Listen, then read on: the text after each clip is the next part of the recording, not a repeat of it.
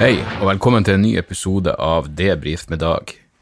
Det har rukket å bli onsdags ettermiddag her, og etter planen skulle denne episoden vært ute allerede, men det som skjedde, var at jeg sto opp klokka syv for å få sønnen min av gårde på, på skolen, og så gikk jeg og la meg igjen, og våkna opp klokka tolv. Så det var jo absolutt ikke en del av var absolutt ikke en del av planen, men, eh, men sånn kan det gå når man eh, har et eh, avslappa forhold til sine egne deadlines. Eh, fruen dro i dag for å eh, få Morty frisert, tok han til en hundefrisør. Og han kom tilbake i sted, og han ser jo faen ikke ut. Han ser virkelig ikke ut. Han er så skamklept. Han, han, Morty Dog ser ut som om han Han ser ut som om han fikk barn med en tysk soldat etter andre verdenskrig. Og så er det noen nordmenn som har eh, tatt ut sin frustrasjon på han på grunn av det, med ei saks. Eh? Han er så jævlig skamklept. Han, han, han ser ut han har samme frisyre som Cersei hadde i Game of Thrones når hun måtte gå ned Walk of Shame. Så jeg blir rett og slett å nekte å gå tur med han frem til det her faenskapet er vokst ut igjen. Og det føler jeg er på sin plass. Altså, eh, visse krav må man stille til, til estetikken til sine firbeinte venner.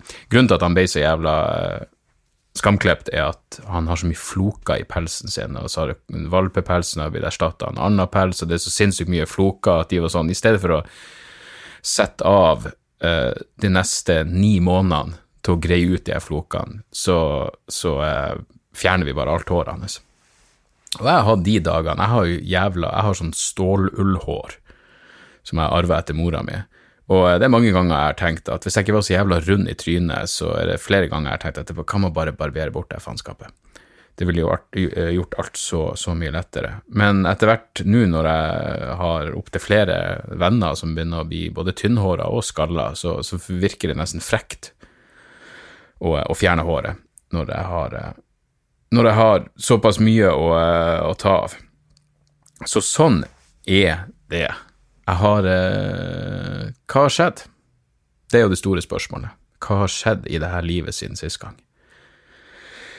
Jeg har, vært, jeg har sett mye standup. Altså, først var jeg jo på um, Forrige torsdag så sto jeg jo på uh, først ned kjelleren på Chateau Neuf, på et lite rom der, som uh, kunne vært mindre, fordi det er jo en studentplass, og å ha show i mai på en studentplass Så vidt jeg husker, så er mai studentmåneden. Studentmåneden über alles. Så uh, det, var folk, det var ikke mye folk der, men jeg fikk nå pløyd igjennom noe faenskap. Det er det som er viktig. Hvis du bare skal prøve å få noe materiale under huden, så må du bare si det foran noen, og det er egentlig irrelevant om det er, om det er 15 eller, eller, eh, eller 150 stykker der. Eh, I dette tilfellet var det vel kanskje det var maks 20. Men, men, egentlig så var det fint, for fallhøyden er ekstremt lav, og som sagt, jeg, jeg, jeg, gjør det i høyeste grad for, eh, for, min egen del. Men etterpå så dro jeg over på uh, åpen scene oppe på Rockefeller. Der har de starta en klubb. Jævlig fet scene. Helt konge. Som seg hør og bør, det er jo på Rockefeller, hvor du allerede har John D og, og Rockefeller. Så, um, så der var det mer folk og knall stemning og ja, fikk prøvd ut noe faenskap. Uh, det var også noen, det var en fyr der som drev en serial killer-podkast. Jeg tror han lurer på om han sa at den heter Serial Killer. Burde egentlig ha dobbeltsjekka nøyaktig hvordan det var. Og så nevnte jeg til han at Ted Bundy-filmen kommer jo snart, og, men han virka ikke så så gira på akkurat det, og det var jævlig rart. Hvordan i faen kan du drive en, en podkast om seriemordere og ikke være gira på Ted Bundy, som vel er Som vel er Beatles? Beatles av, eh, av drapsmenn. Men, eh, men, ja, så det var det eneste som var flaut, var når jeg Eller flaut var det jo egentlig ikke, for det gikk jo bra, men når jeg skulle dra derifra Du må ta heis opp for å komme deg dit. Og når jeg gikk av scenen, så, så var min plan å bare komme meg fortest mulig, mulig hjem igjen. Eh, ikke ta noen drinker etterpå, for da vet du hvordan det blir. Så jeg bare gikk rett ut i heisen, og der kom det jo en masse folk som hadde vært på showet inn. Og det er jo alltid interessant, for noen av dem var veldig snakkesalige og åpenbart eh, eh, ja, fans av det jeg holdt på med, men så var det noen andre der som åpenbart ikke var det. Så det var en eh, interessant Den heisturen ned tok jo kanskje 15 sekunder, men det føltes som, eh, det føltes som 27 eh, sekunder. For det var nok Det var litt forskjellige meninger. om hva som hadde foregått på scenen i akkurat den heisen. Eh, men eh, det var kult. Det var eh, alltid, alltid, fett når noen starter en ny scene, og når det kommer folk, og scenen er bra og drives av fine folk. Så, så åpen scene på, på Rockefeller kan, kan anbefales. Dagen etterpå så var det jo Bill Burr uh, i Oslo Spektrum. Og jeg hadde uh, Jo eldre jeg blir, jo mer jævla bevisst blir jeg på at, med, igjen med fare for å bli en total jævla klisjé, men, men, ting går så sinnssykt fort, og så hvis man går og gleder seg til noe, så, så, er det bare et blink, og så er det faen meg over. Så akkurat når jeg skulle se Bill Burr, for han er jo han er en av mine jeg syns han er en av de beste komikerne som er, så jeg hadde gleda meg skikkelig til det her. Også fordi det er så mange andre komikere som skal, og det er hyggelig å ta noen bager på forhånd og alt det der. Men det var sånn, faen, jeg har lyst til å bare prøve å være litt i øyeblikket i dag. Så jeg prøvde å være sånn, være bevisst på at jeg faktisk gikk og så frem til noe. Og, eh, og ikke minst det er også, det er så digg å, å, å se en bra komiker uten at du skal gjøre noen ting sjøl. Null press. Det er bare å være tilstedeværende. Så vi traff eh, Vi var en gjeng som var på Vaterland og drakk litt først. Så var det showet. Men eh, i køa på vei inn så slo det meg helvete for ei kjønnsfordeling, det her. For det må jo ha vært en Jeg vet da faen hvor mange det var i Spektrum. 3000-5000? Gudene vet. Jævlig mye folk. Men satan for ei kjønnsfordeling. Jeg mener, det, det her tilta mer over jeg tipper det var 96% menn, og det er faen ikke en overdrivelse. Altså, for hver mann jeg så, så måtte jeg se Jeg, jeg så 200 menn for hver dame. Jeg vet ikke om det er en opp med å bli 96% men dere skjønner poenget. Jeg mener, da jeg, da jeg begynte å reise rundt alene, eh, var i den tida når jeg gjorde Showman, fordi Showman hjalp meg til å, å, å, trekke et såpass publikum at jeg kunne reise rundt alene. Og da hadde jeg ei Det var så mye 18 år gamle gutter som ville at jeg skulle snakke om øl og fitte. Så jeg, jeg tipper kjønnsfordelinga mi da var sånn 85-15. Nå på, og da har jeg prata med flere om at nå på, på demokratiturné så er jeg nærmest 50-50 på kjønnsfordelinga. det er jo helt nydelig. Det er akkurat sånn, akkurat sånn jeg vil ha det. Men, men, en gang i tida så var det ikke sånn. Men Bill Burr var faen meg verre. Altså, så vidt jeg kunne se, så var det så inn i helvete mye menn. Og, og det er jo ikke noe galt i det, det er bare litt rart, for jeg vil tro at en god komiker har appell på, på tvers av kjønn. Men da blir det også litt rart når han er, han er jo beinhard mot uh, han er en beinhard feministkritiker, og jeg er vel enig med det meste av det han sier, men det blir nesten litt sånn merkelig når det da nesten, nesten bare er menn der, for hele poenget er jo at du vil ha noen damer der. Og det er jo selvfølgelig mange damer som er enig i han i hans standpunkt òg, men uh, det er også de som er uenige, og det, det, det, er jo det som gjør det interessant.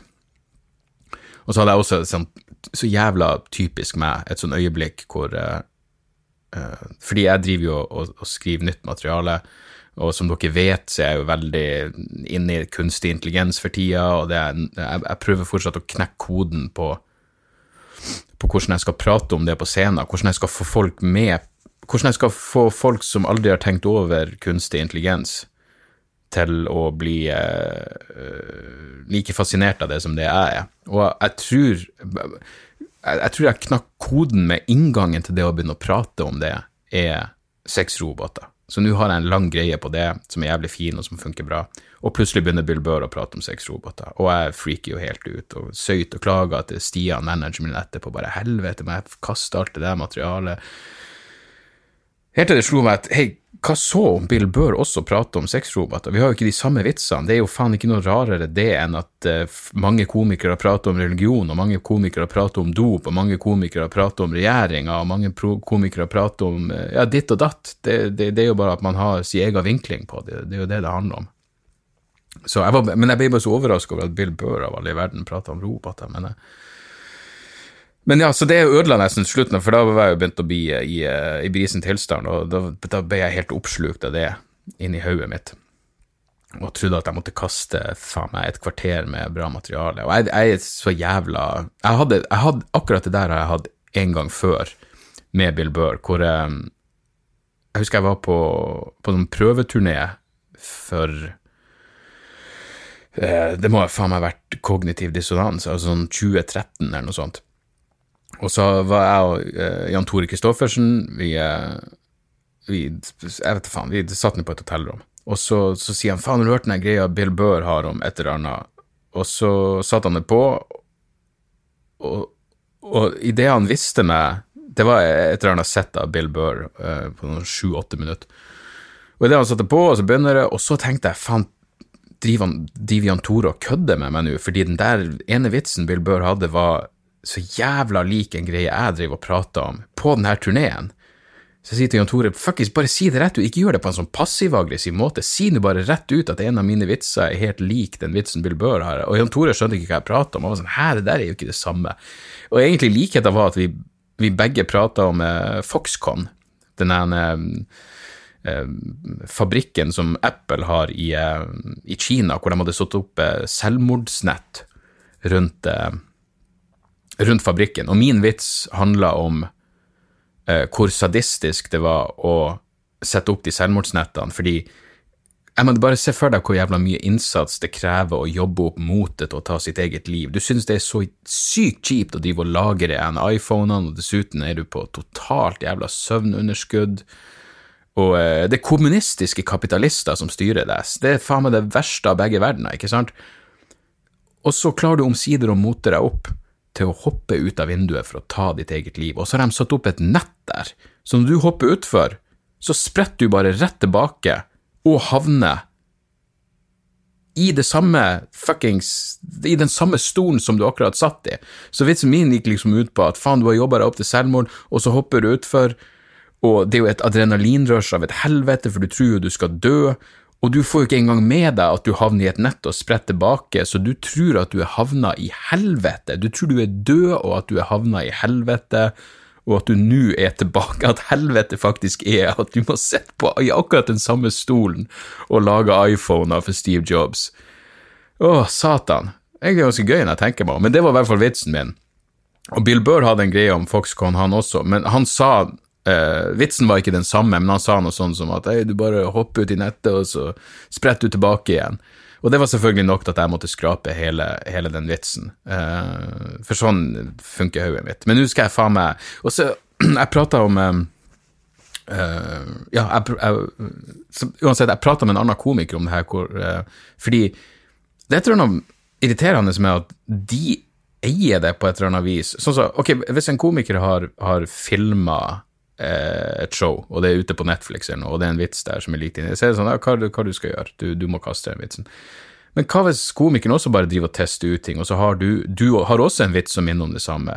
De, de eier den. Det er, det er, ikke som om jeg kan sende en mail til Bill Burr og si hei, du, jeg har en vits som er helt lik den ene vitsen du har om, uh, om Foxconn, så bare slutt å gjøre den. Det vil aldri skje. Det er akkurat så Jeg må kaste den automatisk. Det, det, og ja, det, det, føles urettferdig på et eller annet vis. Og, eh, og da kommer jeg bestandig tilbake til prakteksempelet som er når, eh, når Doug Stanhope hadde skrevet en vits som var helt lik min, og jeg la ut den vitsen på YouTube, og Stanhope Plutselig jeg la den ut på et eller annet forum, og så var det noen som begynte å skrive denne vitsen har du stjålet av Stanhope. Jeg, jeg ville vel aldri stjålet en jævla vits. Jeg ville i hvert fall faen ikke stjålet en vits fra Stanhope. For da hadde jeg akkurat åpna opp for Stanhope på en turné.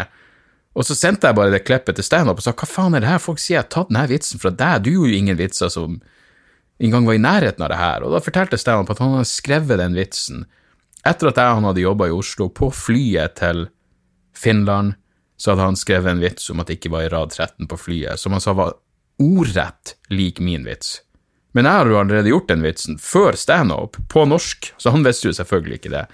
Poenget er bare at standup da skrev et innlegg på hjemmesida si hvor han skrev at hei, Dag skrev denne vitsen først, og uh, han har ikke stjålet den fra meg. Det virker heller som jeg har stjålet den fra han, uh, men han gjorde den på norsk, så hvordan i faen skulle jeg vite det? Poenget mitt er bare man kan tenke likens, men, men han kunne jo selvfølgelig bare ha tenkt men det her er en bra vits, og hvem i faen, er Dag Sørås? Hvem det er ingen som vet om han andre plasser enn i Norge, så, så da gjør bare jeg det, og denne vitsen. Men ikke sant, problemet blir at hver gang hvis jeg hadde fortsatt å gjøre den Foxconn-vitsen, så ville jeg, Bill Burr ville datt opp i hodet mitt hver gang, jeg, hver gang jeg gjorde den vitsen. Um, og det igjen, det her går jo på det jeg sa sist gang, om om han som sa til meg at det var så jævlig mye likt i Ricky Gervais sitt Humanity-show med Mitt demokrati, og så ser jeg Humanity, og så er det ingenting som er likt. Du faen meg Ikke én jævla vits var i nærheten av lik, men, men jeg er veldig sånn, på sånne ting, og um, ja, så, så, poenget mitt er jeg skal prøve å være mindre jævla paranoid og, ta det mindre seriøst. Hvem faen bryr seg? Selv om vitsen er den samme, så er det ikke nøye. Man kan prate om det samme temaet. Hvor mange tema er det der ute? Og sexroboter er dypt jævla fascinerende. Så, um, så ja, det var, det var, fredag, og Bill Burrs show var veldig bra. Det er jo i Spektrum, men vi hadde jævlig bra seter, så, um, så det, det funka. Um, og jeg vet ikke hvor mye, Det er kult å se at han tester ut nye ting, for det gjorde han åpenbart. Testa ut nytt materiale foran 5000 stykker. Det digger jeg. At han ikke bare gjør det safe han har, som, eh, som funker. Så, um, så, ja, det var jævlig bra. Dagen etterpå så dro jeg for å se Todd Barry på, uh, på Latter. Og der var det jo lite folk. I tillegg så gjorde altså Todd Back altså, Jeg syns han er en av de morsomste jævlene som er, men halvparten av materialet han gjorde, hadde jeg hørt før. Halvparten av materialet han gjorde, var enten ute på en CD eller på en eller annen Netflix-greie. Og det er jævlig skuffende. Jeg syns det, det, er frekt. Og det er sånn, ok, men da kan, ikke, da kan, du ikke, forvente at det kommer At du drar til en masse nye fans. Du kan ikke forvente at folk gidder å komme og se deg igjen og igjen, fordi nå er det andre gangen han gjør det. Første gangen han var i Norge, så gjorde han også materiale som allerede var ute. Andre gangen så var det bare nytt, så vidt jeg husker, men da gjorde han også jævlig mye crowdwork, som han er fantastisk på. Og så nå så er det halvparten ting jeg har hørt før, og det, det er skuffende. Det er jævlig skuffende. Jeg, jeg skjønner ikke at når de komikerne jeg liker, tenker at når ting er gitt ut, når det er ute på en eller annen streaminggreie eller YouTube eller Netflix eller hva faen det er, så er du ferdig med det materialet. Du gjør ikke det materialet som en del av ditt vanlige show. Um, det er i hvert fall min filosofi, og alle de som jeg virkelig respekterer, har uh, Ja, du, du, du, er ferdig med det materialet når det er gitt ut, og da starter du på scratch. Så det var skuffende, men, uh, men Barry er jo sinnssykt gøy fantastisk eh, vitseskriver. Og jeg kan tenke meg at de vitsene hans tar Han er jo ikke en sånn rentefyr. Han er jo virkelig en, en fyr som skriver gjennomtenkte, sakte vitser. Eh, så det var, det var selvfølgelig gøy, men bare skuffende at det var så mye, så mye jeg hadde hørt før. Ja, tida flyger jo faen meg når man skal åpne seg opp med humornerdete ting. Så er jeg så ei dame jeg virkelig respekterer jeg, Rødt Jeg går jo jævlig mye Jeg går mye.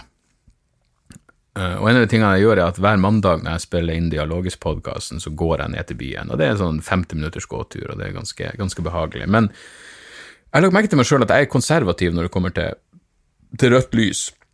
Og igjen, jeg tror det kan være en aldersrelatert greie, at jeg vet at jeg er treg. Hvis jeg bare vandrer ut, og så kommer det en bil eller en trikk, så vet jeg at jeg er fucked. Så hvis jeg ser at det blinker, så gidder ikke jeg Vanligvis hvis jeg ikke har jævla hastverk, så da venter jeg heller bare til, til Hvis det blinker grønn mann, så, så gidder jeg ikke å begynne å springe. Jeg, jeg venter heller til det blir grønn mann igjen og alt det der, fordi jeg er en gammel, en gammel faen. Men nå så jeg ei dame som, hvor jeg var i tvil, for det var sånn, jeg så at det var akkurat begynt å blinke grønt, jeg vet jeg kan komme over veien, så er det faen meg biler som kommer, står bare på gasspedalen og ruser bilen og er så jævla klar til å peise på straks de får muligheten, og gjerne et halvt sekund før. Så jeg venta han av. Men etter at det blir rødt, så er det ei dame som på andre sida av veien som skal mot meg, hun begynte å gå når det var rødt, og hun hinka i tillegg. Hun hinka sånn at hun burde hatt fuckings krykke. Hun hinka på én fot, og så måtte hun ta pause underveis. Hun ga så totalt faen i at de bilene måtte vente, og jeg respekterte det. Eh, først og fremst bare fordi hun er det totalt motsatte av meg, men hun ga så faen i at hun, hun irriterte bilister i begge jævla retninger. Og eh, ja, det var noe, noe beundringsverdig over det, samtidig som jeg tenker eh, kanskje hun bare har null jævla selvinnsikt og null sosial skam. Jeg er jo i store og det hele en tilhenger av sosial skam når den skamma er på sin plass. Og så, eh, og så kan du være skamløs der, eh, der det ikke er noe grunn til å ha skam. Så, og jeg vet ikke helt hvor hun faller på den skalaen, når jeg, når jeg tenker meg om. Um, og så må jeg også rette på en ting jeg sa i forrige episode, for jeg fortalte at uh, jeg driver og ser på uh, The Act, den, den, serien om uh, Munchhausen by proxy, basert på dokumentaren Mommy Dead and Dearest, som handler om ei mor som holder sitt eget barn syk og forgifter henne. Ja, det, det er grusomme saker. Jævlig deprimerende serie, men veldig bra.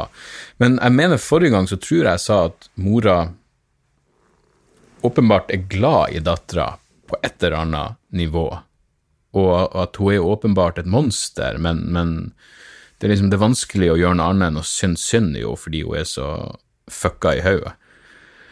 At hun er villig til å essensielt torturere sitt eget barn på denne måten. Jo mer jeg har sett på denne serien og begynt å tenke tilbake på dokumentaren, så er jeg faen ikke sikker på at, at det er sant at hun bryr seg om dattera.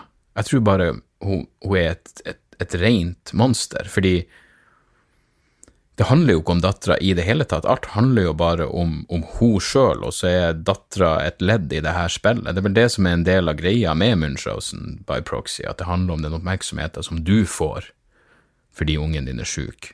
Og uh, igjen, bare på et sånn mellommenneskelig og psykologisk nivå, så er det så det er så, det er så jævlig så du får det. Jeg mener, hvor i faen gikk det gikk det galt i utgangspunktet? Når du kan gjøre noe sånt. Det er noen av dere der ute, er det skrevet noen bøker eller noen bra artikler om Munchhausen by proxy? For jeg føler at det her det er så bekmørkt og, og jævlig, og jeg blir så Jeg tørker tårene i hvert fall én gang i løpet av hver episode. Det er så gjennomført deprimerende at det, eh, det høres ut som noe jeg burde lage humor av. Så jeg, jeg må faen meg finne ut Hvis noen som vet noe om noe, noe, noe bra Munchhausen by proxy-materiale, så, eh, så rop ut. Og, eh, og sjekk The Act og eh, dokumentaren Mommy Dead and Dearest. For Jesus Christ, for ei, for, eh, for ei historie. Så lurer jeg også på, er det noen vellykka I forbindelse med denne Siv Jensen sin jævla knuste jævla sosialistene-kommentaren, hvor Ja, det første jeg tenkte, var, som andre har kommentert også, er jo at det er vel peanuts i forhold til det ytre venstre har sagt om, om, kapitalister. Og Det er derfor jeg respekterte at Bjørnar Moxnes, Rødt-lederen, ble konfrontert med det, og sa han han var ikke støtt av det i det hele tatt, for han er en jævla sosialist. Og Det er egentlig den eneste måten du kan, du kan svare på, for han har vel sagt at skille være ting. Jeg vet nå at Rødt har, har vel landsstyremøte um, til helga, og en av de tingene de skal liksom Altså, de skal fikse litt på uh, er det partiprogrammet, eller Ja, de skal i hvert fall Det, det er snakk om å fjerne ordet kommunisme i partiprogrammet sitt, uh, noe jeg syns Det vil jeg tro er en, en, jævlig god idé.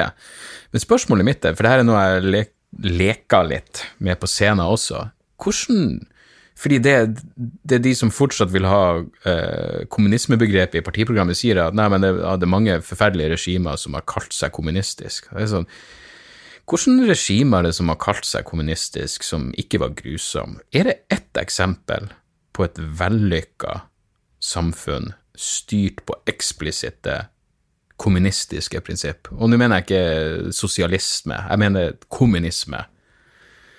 Fordi når jeg prater om det, alt jeg kommer på er grusomme jævla regimer. Så det å distansere seg fra Hammer og Sigden ja, det er jo selvfølgelig det. Det er jo helt uforsvarlig. Men det å distansere seg fra kommunismebegrepet tror jeg nok er en, eh, jævla god idé hvis du har lyst til å bli tatt seriøst. Og så ser med at å, pampevelde i LO Det er sånn, kom igjen, mann. Det, det, høres bare fuckings barnslig ut. Det høres ikke seriøst ut. Og når hva faen er det, en femtedel av Oslo-borgere er villige til å stemme på Rødt med så jævla infantile eh, begrep i programmet sitt, så er det jo de er mot privat eiendomsrett. Hva betyr engang det å være mot privat eiendomsrett? Jesu navn er jeg glad vi har privat eiendomsrett. Hvis hvem som helst bare kunne komme vandrende inn her nå, så hadde denne podkasten vært mindre avslappa.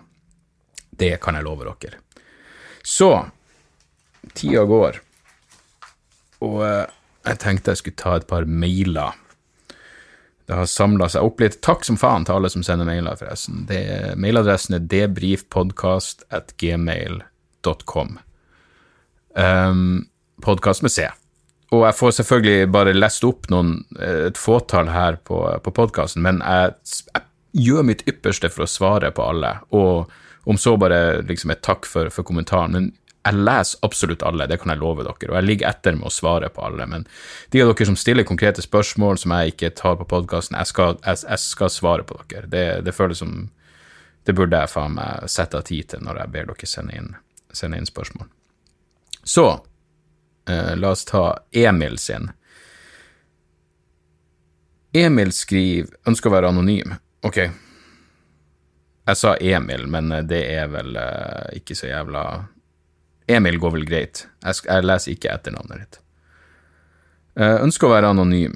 Ser her grunn til at jeg burde faen meg forberede Kan man lese meg inn på forhånd, og så uh, se til at folk vil være anonyme? Jeg heter ikke engang Emil, han heter Emal. Han heter Emal. Ser jeg nå, ikke sant? Uansett. Ønsker å være anonym. Hei, jeg vil starte mail med å si at demokrati var hysterisk morsomt, og jeg gleder meg til å se den på nytt da den blir tilgjengelig. Grunnen til at jeg sender deg en mail, er at du har nevnt at du har studert i Trondheim. Har du noen tips til utesteder eller annet som en student bør vite om? Jeg skal dit til høsten, men har ingen kjennskap til byen. Mange takk. Du, jeg, jeg har faen meg forandra seg så i Trondheim fra den tida jeg var der, at uh, uh, jeg, jeg, burde vel det, det, Jeg tror det kunne vært en idé å involvere seg litt på samfunnet. Jeg angrer litt på at jeg ikke gjorde det. Jeg husker jeg var på sånn omvisning der og bare så på hvor sinnssykt mange studentsamfunn det egentlig var der. Eh, men grunnen til at jeg ikke gjorde det, var at jeg hadde en del venner som for det første ikke var studenter eller uh, direkte tilknytta jeg, jeg, bare endte opp med å ikke, ikke, involvere meg på samfunnet. Men det å henge der er jo selvfølgelig masse konserter og alt det der, uh, så samfunnet er jo tipp topp. Ellers så var jeg mye på 3B, men 3B har vel forandra seg noe jævlig. Jeg vet ikke engang om det heter 3B lenger, men 3B var en annen plass da enn det er nå. Og de hadde sånn vintirsdag hvor du fikk en flaske vin til 100 kroner. og og så, og så var jeg mye på mormors stue. Den tror jeg fortsatt er der, men de hadde billig øl.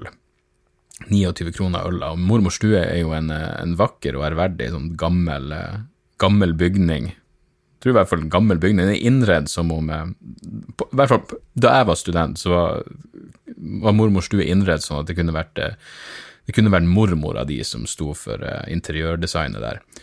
Så det å se liksom, folk bli så dritings at de spyr ut av vinduet klokka kvart over seks på en mandags ettermiddag fordi det koster 29 kroner halvliteren, det er jo alltid interessant. Men det var en, det var en kul plass. Og så var jeg mye på Fru Lundgren, som er en fin pub som eh, også er der. Jeg tror jeg var der sist jeg var i, i Trondheim. Men Trondheim er knall, og Emal, du kan slappe helt av. Eh, du kommer til å finne så jævlig fint ut av det der. Det er så lett å bli kjent med folk og, og alt det der. Så det kommer nok til å bli, uh, bli helt knall. Og lykke til. Og uh, håper vi, uh, vi ses der. Ørjan skriver Hei, som du sikkert er vant med å høre, så digger jeg podkasten din og dine reflekterte tolkninger av samfunnet, så takk for det. Jeg har sett at du har lest boken How to Change Your Mind, og lurer på om du kan lage en episode innslag om psykadelia og dine meninger rundt dette. Jeg hadde for noen år siden en fireårsperiode med mild depresjon, nedstemthet, parentes tomhet, som førte til at jeg ga litt faen i livet og bestemte meg for å prøve LSD for moro skyld. Dette viste seg å føre til et vendepunkt i livet der alt snudde, og jeg fant tilbake til så mye glede og begeistring i livet. Nå, fire år etter, ser jeg på det som det desidert viktigste og sterkeste øyeblikket i livet mitt, til tross for at det var ulevelig heftig under trippen. Jeg har litt inntrykk av denne typen stoffer og dens virkning. Dette ble langt, men hadde vært et veldig interessant synspunkt. Ja, det er for langt å, til å gå inn på her, og uh, vi har prata om det her i, i Dialogisk-podkasten med Ina Roll Spinanger. Så hvis du bare Jeg husker ikke hva den episoden heter, men hvis du går inn i arkivet til Dialogisk og søker på, på den episoden, så, så, prater jeg vel en del om det her. Men herregud, så flott at det har funka for deg, og det gjør jo det for mange, og det er jo en del kliniske studier som pågår nå for å finne ut uh, Ja, spesielt uh, det å hjelpe i forhold til, til depresjon. Uh, også interessant det her med mikrodosering som Altså, det blir jo så jævla mye hype rundt sånne her ting, men du vet jo hva Michael Pollen sier om det i den boka, og ja, det, det, er et veldig interessant tema, og, og det er interessant av flere grunner, både fordi ja, men det, det, det, med sykdom, det er jo nesten trist at alt må vinkles inn på depresjon og PTSD og ditt og datt for at folk skal forstå at sånne her stoffer og opplevelser kan ha en verdi. For det kan det selvfølgelig ha for folk som har det helt fint og bare har lyst til å utnytte den kognitive friheten vi, vi, alle burde ha. Men så er det selvfølgelig ikke for alle, og det kan være en god idé, og, og setting og alt det der. Det er mye å sette seg inn i. Men min erfaring er, det, som sagt, det, det, det er for mye, mye, å gå inn på her, men jeg har aldri hatt ei lemfeldig. Jeg har aldri hatt en sånn øy, fest-holdning til denne type ting. Jeg har bestandig gått inn i denne type opplevelser med en intensjon om å, om å lære noe. Ikke sant? Det er ikke sånn en Hei, la oss kjøpe 18 pils og, og uh, flykte fra vår egen personlighet. Men uh, nei, på, jeg, jeg har virkelig gjort det her med forsøk på å lære noe. Og, uh, så derfor har jeg det, det, er noe jeg behandler med respekt, og det syns jeg, jeg, alle burde gjøre. Men tipp topp at det hjalp mot din depresjon, og det skal bli spennende å se hva den seriøse forskninga på den type potensielle medikamenter kan, eh, kan føre til. Uh, ja, vi rekker en til kar. Kar. Tre spørsmål, oi. Hei, Dag. Jeg går rett på sak med det jeg lurer på. Så er det tre spørsmål. Skal vi bare ta dem step. Du og dama di er ateist, og jeg lurer på hvordan dere forholder dere til kirka. Det vil si, går dere i kirken når det er bryllup, dåp osv.? Ja. Nå har jeg aldri vært i et kirkebryllup, jeg har aldri vært i en dåp. Men hvis vi blir invitert i det, og det er relevant for oss, så ja, så går jeg selvfølgelig i kirka. Jeg mener, sånn Jeg er ateist, men jeg kan jo ikke være Jeg skal ikke legge meg opp i hva andre gjør. Hvis du har lyst til å døpe ungen din i kirka, ja, som jeg vitsa med, så syns jeg det er et overgrep på trosfrihet at ungen din å melde han inn i statskirka. Hva med, hva med Vigrid, ikke sant? Hva med Hvis du først skal melde dem inn i en høyrevridd organisasjon som burde bruke det frie markedet. Men, eh, men jeg, jeg, selvfølgelig er jeg ikke sånn. Folk får tro hva de vil, og eh, så lenge du respekterer min ateisme, så skal jeg, eh, i hvert fall på et sånn helt prinsipielt nivå, i hvert fall respektere at du har en annen overbevisning. Så selvfølgelig vil vi gå i kirka hvis det er bryllup eller dåp. Spørsmål to, to. Du som leser en del, kjøp Kjøper du bøker og har de fysisk, eller er det digitalt på et lesebrett? Liker selv å ha boka i hånda, men er nysgjerrig på ideen med en samling i et lesebrett. Jeg kjøper utelukkende fysiske bøker. Og så hører jeg lydbøker òg, men jeg leser ingenting. Det eneste jeg leser på lesebrett, er Aftenposten og ja, kortere artikler. Sjekker diverse nettaviser på lesebrettet, men eh, å lese i bok på lesebrettet er uaktuelt. Selv om jeg må innrømme at akkurat det som eh, det systemet som de har på Audible, og kanskje det er sånn på Storytel òg, at du kan høre på boka, og så på lydboka, og så hopper den, når du setter på pause, så hopper den i e-boka til der du stopper.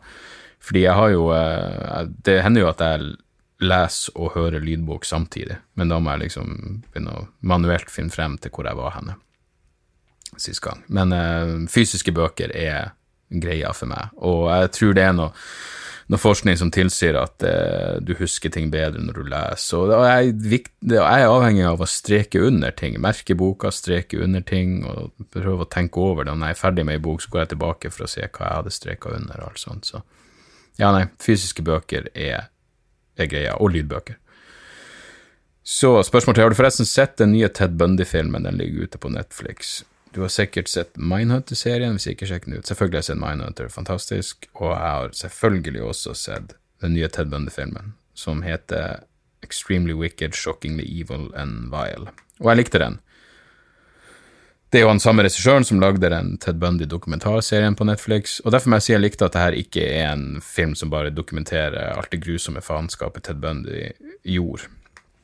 Um, jeg må se hva den heter for, for, filmen er jo basert på å ta utgangspunkt i eh, Er det Anne Rule, eller hun, hun som var dama til Ted Bundy? Det er liksom vinkler fra hennes perspektiv, uh, og hvordan hun sakte, men sikkert det går opp for hun hvordan, hvordan uh, type menneske hun har vært sammen med. Jeg lurer på om det er hun samme som skrev den boka The Stranger Beside Me som jeg ikke har lest, men som, som virker veldig interessant. Men ja, så jeg, jeg, likte den filmen veldig godt. Uh, jeg så den da med fruen, som ikke har noe forhold til uh, Ted Bundy sine eskapader. Og vi var vel enige om at denne filmen funker utelukkende fordi det er en sann historie. Hvis, hvis her var ren fiksjon, så ville det egentlig ikke vært interessant nok. Men fordi det er en sann historie, så er den jo jævlig interessant. Um, og det Ja, nei, det, det det er sjokkerende å se hvor jævla langt du kan komme deg med, med overfladisk sjarm. Um, så ja, jeg syns den var Jeg syns den var veldig bra. Så det bringer oss jo egentlig over i Da kan vi bare ta uh, resten av tipsene jeg har. Uh, en podkast, en Knowledge Project-podkast. Veldig interessant. Uh, mye bra gjester, mye interessant tematikk. Den er verdt å, å sjekke ut. jeg så i går dokumentaren The Inventor av Alex Gibney, out, jeg tror det heter The Inventor Out for Blood in Silicon Valley. Som igjen det er bare sånn helt helt en helt syk historie om ei ung dame som mange trodde var neste Steve Jobs eller Bill Gates, som påstår at hun har hun skal revolusjonere helsevesenet og revolusjonere medisinsk testing med at du bare kan Hun er ikke glad i å ta blodprøver, så hun mener at hun å starte et helt selskap som er basert på ideen om at du kan eh, diagnostisere all slags sykdommer bare med å ta et lite stekk i, i fingeren din og samle bitte litt på Theranos eller noe sånt, tror jeg det eh, selskapet heter. Ther Theranos, ja, og hun heter Elizabeth Holmes. Jævlig interessant dokumentar, og igjen, helt sinnssykt hvordan noen bare kan villede noen. Og så er jo Jeg blir fascinert av dama, for hvis du ser hvis du ser på Elizabeth Holmes, så er hun vel sånn klassisk pen, men det er et eller annet som bare er helt off med henne. Hun er veldig lite uh, Jeg vet ikke hvorfor det skal være relevant engang, men hun er veldig lite Hun er nærmest aseksuell, og så er det kanskje det er stemmen som creeper meg ut, men helvete heller, altså. Nei, hun var ikke poolbar. Men det her handler jo ikke om om hun er poolbar eller ikke, det handler jo om hvordan man med en ekstrem selvtillit uh, bare kan villede særdeles oppegående mennesker. Så uh, det er en sånn historie du bare ser og tenker hvordan i helvete kan det her gå an? Men i det, i det jævla det, det, det, kappløpet som foregår i Silicon Valley, så, så, skjer det sikkert flere sånne her ting enn man, kan, enn man har lyst til å tenke, tenke over. Men uh, The Inventor, i hvert fall. Alt, Alex Gibney er altså en av de beste dokumentarregissørene som er der ute. Han er så helvetes produktiv. Han lager flere dokumentarer i året, og alle er interessante. Han lager om Stuxnet-viruset, han har laga om Wikileaks, Neil, ikke Neil Armstrong, Lance Armstrong, og Frank Sinatra, og Rolling Stone Magazine. Det er, det helt han er, han er the man. Uh, ei bok, Brett Easton Ellis, en av mine favorittforfattere. Uh, en av de få jeg leser fiksjon til fortsatt. Han har kommet ut med sin første tror jeg hans første ikke-fiksjonsbok, som heter White. Jeg digger han. Veldig bra. Uh, The Guardian hater han selvsagt. The Guardian skrev i anmeldelsen at uh, han sier ingenting i denne boka, og jeg tenkte wow, jeg syns han sier veldig mye. Jeg mener, Den er jo et forsvar, selvfølgelig, sånn prinsipielt forsvar for ytringsfrihet. Oi, holdt kaffekoppen på gå til helvete. Men det er mye interessant filmkritikk. Det er interessant Han prater om Charlie Sheen og Tom Cruise på en sånn måte at du, de føles relevante igjen. Um, og det er mye selvbiografisk, og kunne American Psycho-boka kommet ut en dag i dag? Men så er det selvfølgelig veldig mye om det han kaller da gen Generation Wuss. Wuss. Wuss. Generation Wuss. Pingle-generasjon fordi han er sammen med en av dem. Så det er mye om Trump og hvordan eh, fuckings overprivilegerte, søkkrike liberale i Hollywood plutselig følte at Trump fucka opp livet deres på et eller annet vis, og det ekstreme hykleriet i akkurat det. Og uh, om, hvordan, om, hvordan, folk bare driver eh, selvsensur og ikke tør å, å, si hva de mener i det nye klimaet hvor og han har, Brett Easton Ellis har jævlig mye gøy om det å være på Twitter, at han stort sett tweeter når han er, når han er full. Og en gang så bestilte han drugs på Twitter fordi, fordi han trodde han teksta med noen. Så uh, jeg liker Brett Easton Ellis. Jeg liker, han er, og han er, det, er ingen unnskyldning han sier. Ja, det her er perspektivet til en overprivilegert hvit mann. Så deal med det. Um, jeg syns han har mange interessante tanker. Selvfølgelig ikke enig med han i alt, selvfølgelig ikke, men um, ja.